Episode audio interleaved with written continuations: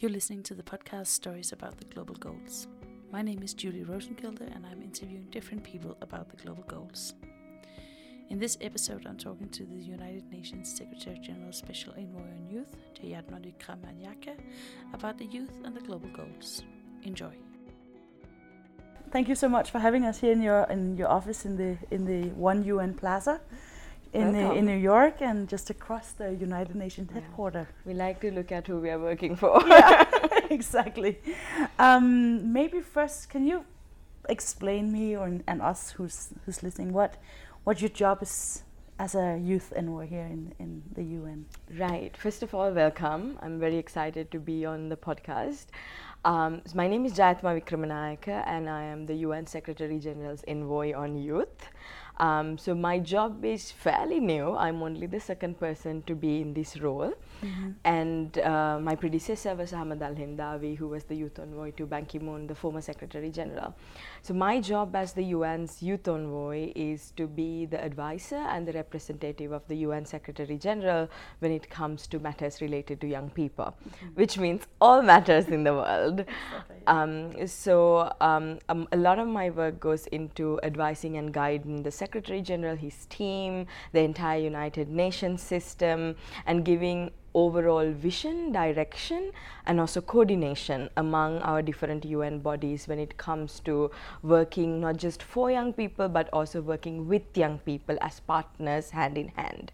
Um, so, as I said, the work cuts across all 17 SDGs because young people's lives are impacted and they do contribute to all 17 SDGs. So, yeah.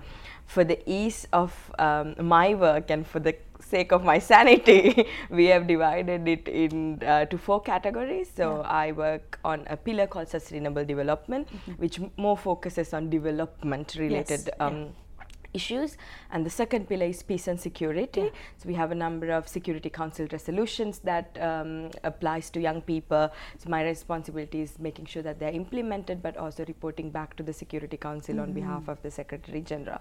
Third pillar is human rights. Um, there are certain instances where young people's human rights are violated because of their age. So bringing special attention, spotlight to these issues, and raising awareness and protection of young people's human rights and advancement is the third pillar. Fourth pillar is unfortunately around the world today we have so many humanitarian yeah. settings and there are a lot of young people who are caught up in these humanitarian settings. Yeah.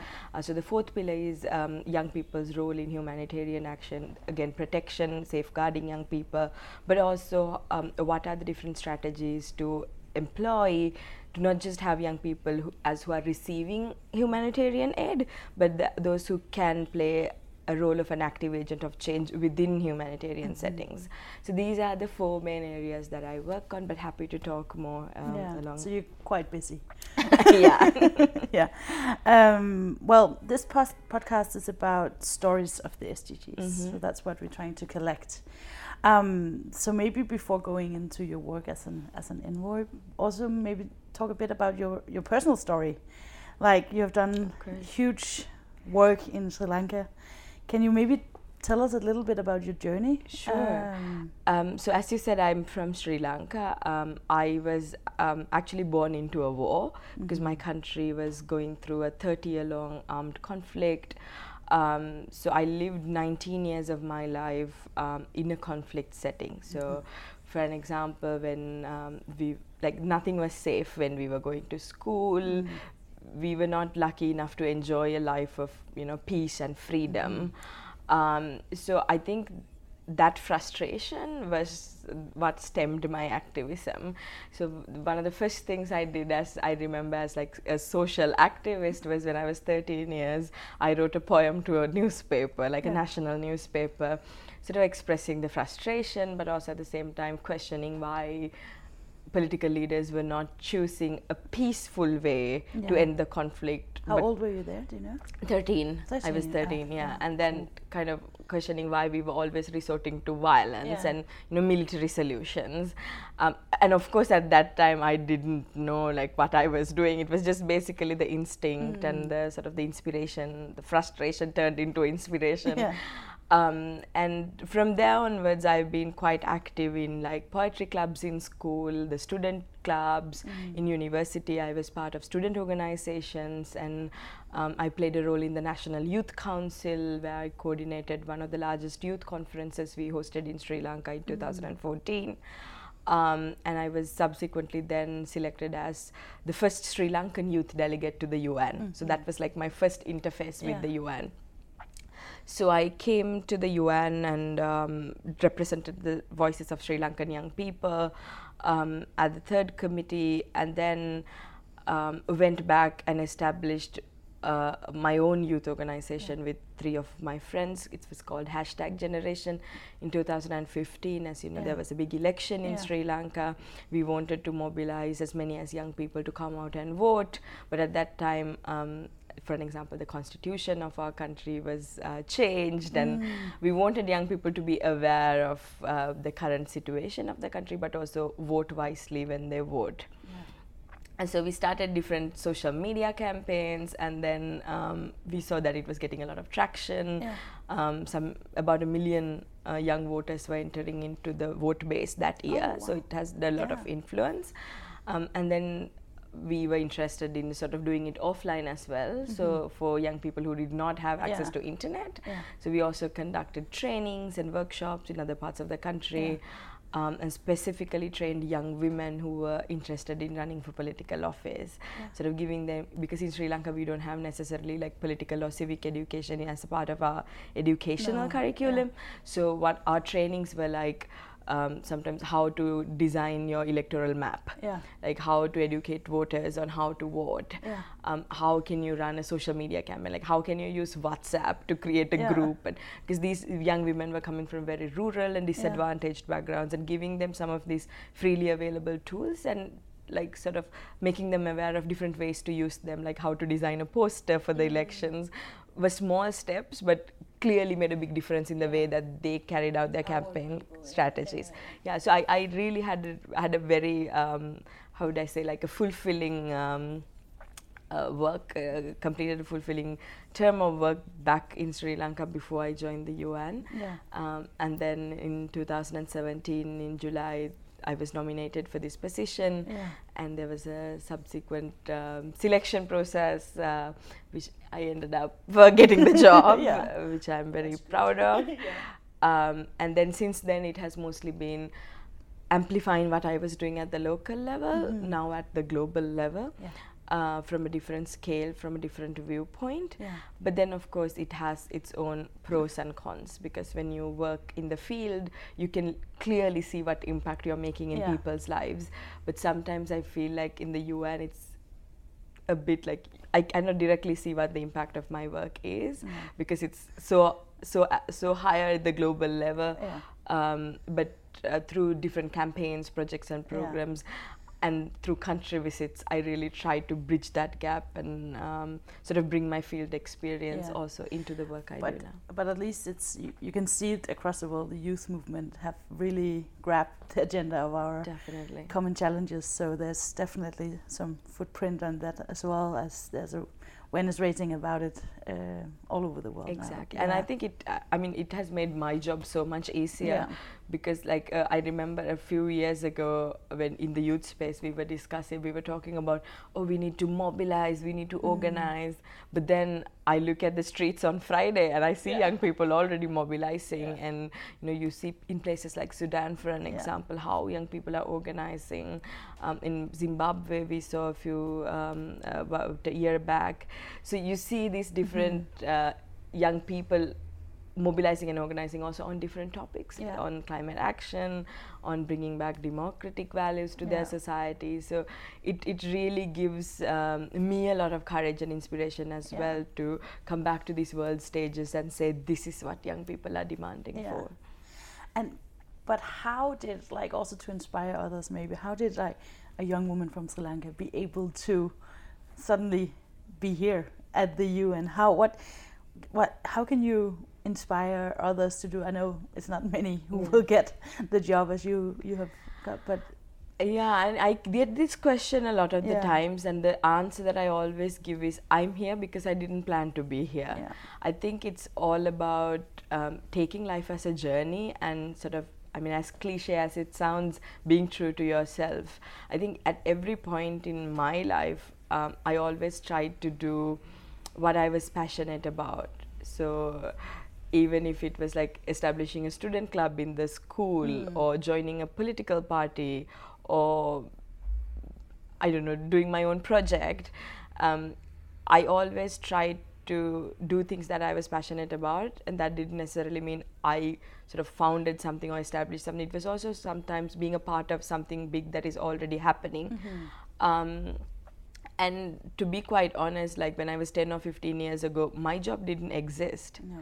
so we live in a world that is also rapidly drastically changing yeah. so there will be opportunities that you do know now that will exist in 5 10 yeah. years so i think it's about having an open mind and doing what you're passionate about and at the end of the day if you do your job right and if you do the work that you are doing right then you will get access yeah. to those opportunities and um, like for an example, my position is a position that is yet you're nominated to this. Yeah. So there were about 800 people who were nominated, mm-hmm. but then people nominate you because they know the work you were doing before. Yeah. So I think it's also about um, being true to yourself, but also making networks, peer networks, and mm. um, sort of working also in solidarity with other groups of young people who might come from your own community yeah. but also come from other countries other parts of the world yeah. um, and really being doing unified efforts yeah. has it then now you've been here for some years have it lived Two. up to yeah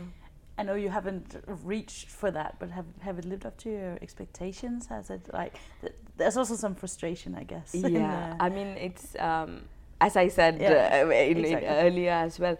It's um,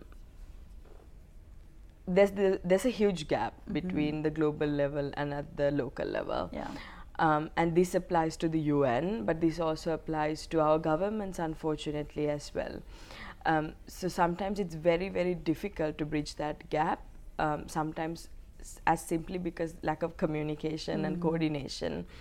Uh, so that is something that really frustrates me. Um, for an example, we have some of the most amazing international instruments and frameworks mm-hmm. about young people and youth policy and 150 160 190 governments have signed up to mm-hmm. it but then if you go to their capitals and work with the youth ministries they don't know that their ministries of foreign affairs yeah. had signed up to this agreement therefore that they are responsible to adapt those principles into their national work plans mm but also on the other side sometimes when we have intergovernmental negotiations here you have say certain governments coming and um, really like um, not supporting progressive language say yeah. on comprehensive sexuality education is a topic that is always always contested yeah. and i have very practically seen some governments who come and negotiate against the language there but when i go into those countries, when I go into schools,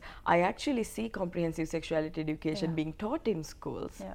So sometimes it amazes me the, the, the, kind of gap that is there between the lived reality of mm-hmm. people and what is represented here at yeah. a global level, particularly in intergovernmental negotiations. So um, I think by my work, one of the things we try a lot is through different campaigns to educate young people. Yeah. So at the country levels, they can really ask the questions from the policymakers, yeah. like, "Oh, you signed up to this, but why aren't we getting any, you know, results or actions yeah. on that particular framework?" And I think the second one is um, obviously most obvious thing is the huge bureaucracy and the yeah. hierarchical nature of the organization. You know, the UN was established 74 years ago to respond to a certain objective to yeah. maintain global peace and security. Yeah.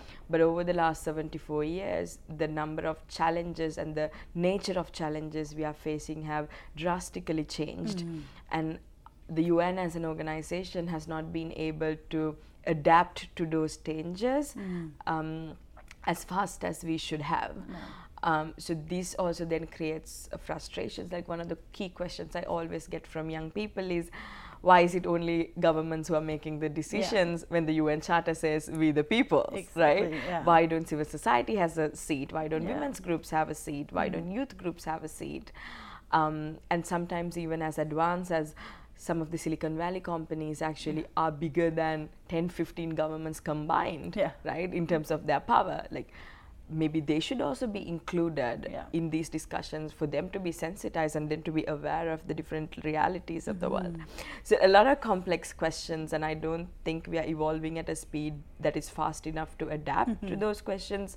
So, that frustrates me a bit. But uh, again, I think the Secretary General is trying his level best through the introduced uh, development system reforms, for an example, through the management reforms to really make the organization a more 21st century Yeah. youth friendly organization. yeah and to be able to understand but i, I think it's good that especially on, on topics with what you said about sexual education that even though it's too political to, to get it into like a un paper that you can actually still see the changes on, Exactly. a, on a local level. So even though there can be some mismatch there then it's Sometimes it's for good. yeah exactly. Um, i want to get back a bit to the to the sdgs um, this is maybe an obvious question you get all the time but why is the youth essential for the sdgs and like you, you came in like the youth uh, envoy came in with the sdgs as well Exactly. and and can you put some words on that and Yeah, I think even the timing of the establishment of this position Yeah. was um, at this at the same time as the Mm. SDGs because there was really a big call from young people and youth organizations to be involved in Yeah. policy making, but particularly policy making when it comes to sustainable development goals. I think it from the fact that it also stemmed from the Rio process, the Rio conference, Rio Plus 20, which has a strong major group engagement Mm. element through which children and young people actually got an opportunity to contribute to the negotiations. But at the same time, um, the demographic argument that is that our world has the largest number of young people it has ever seen yeah right now. So half of the world's population is about um, less than uh, 30 years of age, and 90% of this population lives in developing countries, developing or um, least developed countries. Um, so there are huge populations of young people in countries that are being developed or least developed, and um, we need to make increased investments now if we are to realize the fullest potential of these young people and reach the and reap the demographic dividend hmm. that these young people bring with them. So there was a the, that demographic argument was very strong that we need to engage the half of the world's population 50% of the world's population in making the policies that are more um, applicable to their lives and their futures. And Yeah. the the the preamble of the SDGs actually says that young people are the torchbearers of the sustainable development goals. Because by 2030 you know a lot of the 15 year olds are going to be 30 year olds um, uh, and then they will be leading these agendas in different parts of the world. Yeah. so the need for young people to have ownership of the agenda b- believe the agenda and actually work on its implementation. And uh, that's the second point that is that we obviously need to include young people in the formulation of the agenda but then also you cannot leave 50% of the population behind if you want to implement the agenda as well right? So the need to, mobilize young people through their daily actions or through their youth organizations or through their advocacy to actually push for the implementation of their SDGs and be involved in monitoring and review of their SDGs as well. Unfortunately, though, um, I was I myself was involved through the My World campaign Yeah. to crowdsource inputs to the SDG formulation, but we don't see a lot of opportunities for young people to be involved in implementation and monitoring and review. So a lot of the cases I see on the field are actually young people taking charge themselves Yeah. and innovating and creating solutions in their own communities Yeah. through their youth organizations to implement these Yeah. projects and then the opportunities are even less when it comes to taking part in formal monitoring and review of the mm-hmm. SDGs. We only had a handful of countries who actually meaningfully included young people in the VNR, Yeah. the voluntary national Yeah. review processes. For example, the Dutch government Yeah. um, got the Dutch Youth Council to write an entire chapter of their VNR. There were certain countries who included young people in the surveys, the Mm-hmm. questionnaires, and um, youth researchers in the in the work of their VNRs. Mm-hmm. Um, but then a lot of youth organizations um, are doing their own surveys, shadow reports, Yeah. um, and um, you know dashboards, and trying to track how they in their communities are trying to contribute to uh, the implementation of the SDGs. Yeah. Um, so there are some gaps, but also I think compared to say the Millennium Development Goals, you see a lot more Yeah. um, involvement It of had created the community, even though it's not only in formal settings. exactly. Yeah. And um, just uh, here in the end, um, we have the Sustainable Development Goals. We have, we know that we have to uh, live up to this in 2030. But like, what is your vision? Like, you can dream of everything, uh, and put the story into this, like the the vision for year 2030. Even though it, it seems sometimes a little, it's only a short time until 2030 now. Yeah. But can you put some words on that? Yeah, I think I still dream and I still hope that the very ambitious agenda that we hmm. all agreed, all 193 governments had agreed in 2015, would really become a reality by 2030. And we definitely see a turn in the right direction, mm-hmm. but I think what we are lacking is moving in the right phase. Yeah. So we're not moving fast enough to achieve these targets by 2030. And we should not forget, we, forget that we still have unfinished business mm-hmm. from the MDGs as well. So at this point of time, I think there are some very critical issues that we need to look at to see how do we close these gaps and actually achieve the goals and targets that we promised to achieve in 2030. Yeah. And in this particular uh, topic, I think financing the SDGs is one of the key, one of the critical issues. We currently have about 2.5 trillion dollar gap when it comes to financing the SDGs. So member states needs to step up. I mean, um, I think it, this is the right indicator to Yeah. see if what governments are really prioritizing. If your military budget is still higher than your educational mm-hmm. budget, then what does it really mean about you investing in sustainable Yeah. development, Yeah. right? So, taking a closer look at our national budgeting, national economies, and seeing how we can better finance the SDGs, mm-hmm. but also overseas development assistance. Yeah. What, how are the more developed economies supporting the developing and emerging economies in achieving the SDGs? Supporting not just through financing but also through different kind of resources tools sharing technology um, and really helping the least developed countries attain that leapfrog um, advantage and, and join all of us in the path to sustainable development. Um, and on the other side i think the crucial role of private sector i think the private sector needs to stop looking at sustainable development as csr projects Yeah. like doing small small impact projects here and there but really look at sustainable development from an investments point of hmm. view because this really is going to be a return on investments for Yeah. them the more investments you make in sustainable development the healthier workforce the more educated workforce mm-hmm. they will have in return Yeah. to work for the companies that we are talking about so this joint effect of um, governments um, from the global north and south working together in solidarity, but also private sector really stepping up, paying their dues, Yeah. and investing, um, eh, eh, looking at sustainable development from investment perspective, will I think help us close the funding gap we Yeah. have for SDGs and help us really reach um, those um, goals and targets. And secondly, greater political will Yeah. um, and this includes also accountability. I think for me, one of the biggest challenges that I see in the SDG framework right now is. Um, I mean, I don't. It's not diplomatically correct, but I, I don't see any accountability when it comes to uh, SDGs. Even the national reporting is voluntary, right? There's no indexing, there's no tracking. Um, so we also need to hold ourselves accountable for the promises we have made.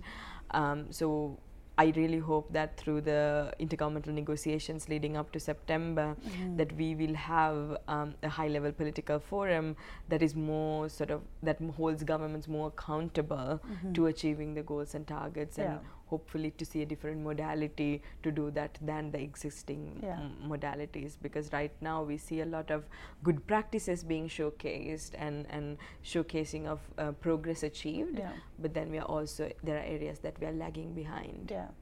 And you're really coming into the, the goal 17 on partnerships and all the different actors who should be working on this Yeah. agenda and finding finance, but at least to, to s- stop on a very positive note, the one you represent, the youth, have really shown like the movement and they, they want change and they will also be able to change themselves and their behavior to achieve this. And, and they have the global mindset and they know how to lead forward. So, well, I guess congratulations on that. that you, the one you represent uh, are leading it more than governments and no i think it really has been um, such a positive spark to Yeah. see young people from everywhere i mean I, Mhm. we see on the media a lot about the mobilization that happens in europe and Mm. in, in america but also in africa in places that i travel in the middle east yeah, young people are organizing in different ways it might Yeah. not necessarily being taking up the streets and you know holding No. policymakers accountable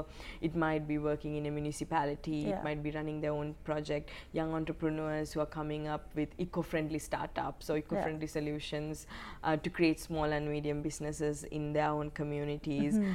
um, i was just two weeks ago in gaza in the gaza strip yeah. which is one of the most dramatic humanitarian Yeah. crises of our time. Still, in the middle of Gaza, I enter this building and there's this technological startup.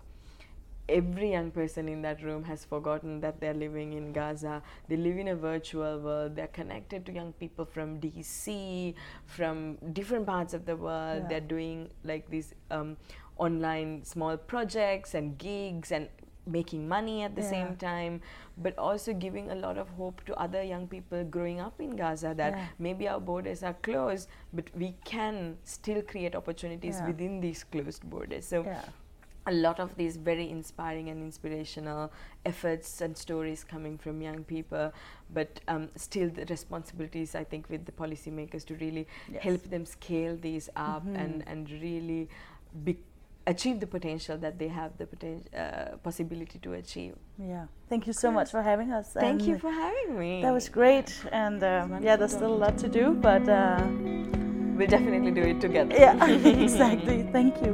thank you very much Thank you for listening. The episode is produced by the organization New Europe and the Danish UN Association. The podcast is produced with the financial support of the EU and CISU.